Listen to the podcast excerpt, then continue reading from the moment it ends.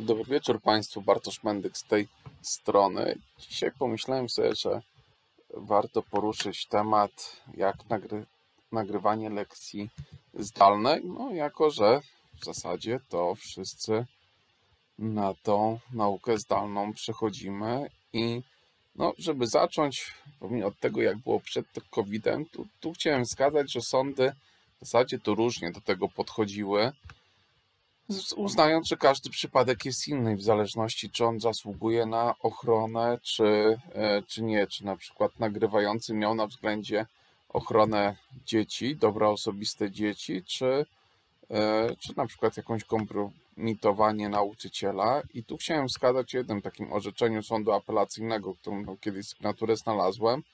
E, sygnatura z 2018 roku, więc nie aż takie stare, gdzie nauczycielka chciała 52 tysiące złotych zadośćuczynienia i przeprosin za to, że publicznie na zebraniu odtworzono jej nagrania, jak ona organizowała zajęcia, a jak się czyta, to to jest tak skandaliczne, że można tylko zdziwić się, że jeszcze lekcje tak wyglądają, bo dzieci były co wynika szarpane, szczypane, wyzywane od bachorów.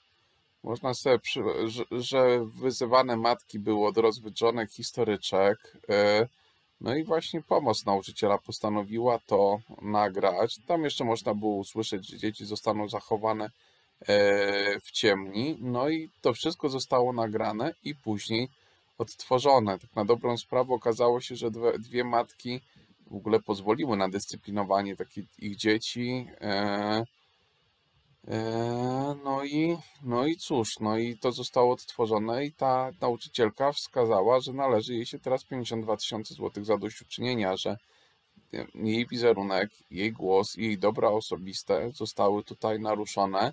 No i pewnie nie zdziwię Państwa, jak powiem, że ani sąd pierwszej, ani drugiej instancji, no, nie dopatrzył się tutaj bezprawności działania E, ze względu na to, że dotyczyło to informowania dyrekcji rodziców o niewłaściwym traktowaniu e, wychowanków.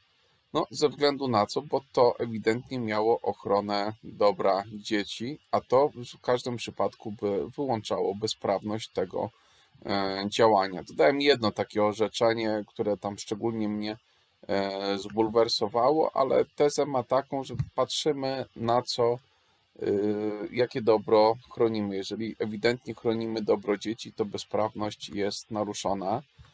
No i chciałem wskazać teraz te czasy covidowe, jakie mamy, bo prezes urzędu wydał nam swoje e, zalecenia jeszcze w marcu na ten temat e, i on wskazał, że prowadzenie takich lekcji jest związane z ze sferą zawodową nauczycieli, sytuacjach ochrona właśnie danych osobowych, wizerunku jest ograniczona e, i wskazuje, że udzielanie zgody przez nauczycieli na e, przetwarzanie wizerunku e, jest niepotrzebne. I tu zresztą pełna analogia do tego, jak wygląda proces edukacji normalnie w czasie sali edukacyjnej. Przecież nauczyciele, tak mówiąc pół żartem, ale w kominiarkach to tych zajęć nie prowadzą, więc skoro można oglądać nauczyciela e, na lekcji, to pewnie można i obejrzeć na lekcji, która jest prowadzona e, on, online.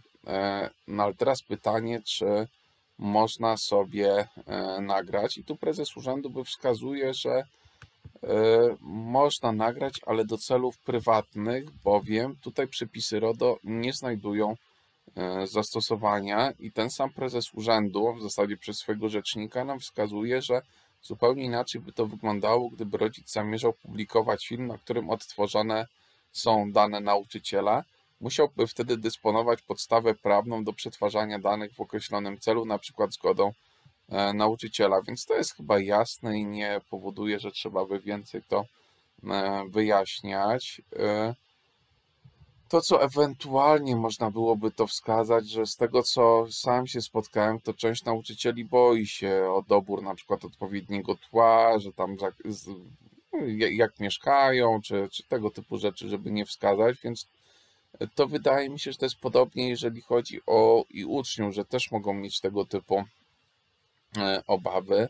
A więc wydaje mi się, że warto poinformować czy nauczycieli, czy uczniów, że w zasadzie każdy obecnie program zawiera opcję y, anonimizacji tła, żeby nie wskazywać konkretnego programu, no ale przecież można ustawić plażę, można ustawić kosmos, no, wiele jest rodzajów tła, które, y, które można y, wskazać, więc tu poza tym proszę zobaczyć, może warto poinformować, może warto poinformować również czy to nauczycieli, czy dzieci, no właśnie o tym artykule 81 y, prawa autorskiego. To jest przepis, który mówi, że przetwarzanie y, wizerunku co do zasady wymaga zgody osoby na niej uwiecznionej, bo może się też okazać, że kiedy te osoby zostaną poinformowane, że mm, właśnie, że, że, że nie można tego robić, żeby tego nie robiły. No i ostatnia rzecz, tak jak powiedziałem, że można uniemożliwić,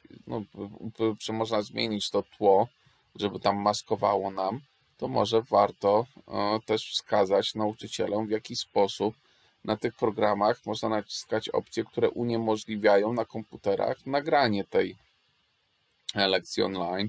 No można wskazać, że z drugiej strony, jak ktoś będzie chciał, to to obejrzy, obejdzie no, na przykład telefonem, to nagra. No, tak, można nagrać, tylko znowu odnoszę wrażenie, że chociażby informacje uczniom czy rodzicom jakoś tam wskazane, że nagrywanie, przerabianie, robienie z tych nagrań na przykład memów, czy jakichś innych śmiesznych obrazków, czy kompilacji, no może być później związane z odpowiedzialnością finansową. No a tu podejrzewam, że wiele osób się przestraszy, kiedy będzie wiedziało, że to już może nie zostać uznane za śmieszny żart, tylko że za tym będzie się wiązać odpowiednia od, odpowiedzialność już e, finansowa. No więc tak, żeby podsumować, czy e, nauczyciel musi wyrażać zgodę na przetwarzanie wizerunku, tak jak i dziecko? Nie, nie muszą takiej zgody przetwarzać. Czy można nagrywać zajęcia? No, nie powinno się nagrywać. Jeżeli uczeń się decyduje mimo wszystko na nagranie, pomimo że jest ograniczone przez nauczyciela poprzez te programy, no to może przetwarzać tylko o charakterze prywatnym czy domowym, czyli może mieć to w domu. Zamieszczenie tego na portalu społecznościowym, na portalu streamingowym będzie oznaczało przetwarzanie w rozumieniu RODO, a więc dopełnienie wszystkich obowiązków e, administratora danych osobowych, no i też przetwarzanie bez e, podstawy e, prawnej tego wizerunku będzie również na, na, oznaczało naruszenie przez tą osobę przepisów właśnie, czy to RODO, czy prawa autorskiego. No dobrze, Szanowni Państwo, gdyby Państwo mieli jeszcze jakieś pytania właśnie w zakresie nauki zdalnej, zwłaszcza w kontekście RODO, właśnie przetwarzania tych danych osobowych, no to zachęcam Państwa do pisania maili, e, kontaktu ze mną. Postaram się na wszystko odpowiedzieć. Dziękuję bardzo, do widzenia.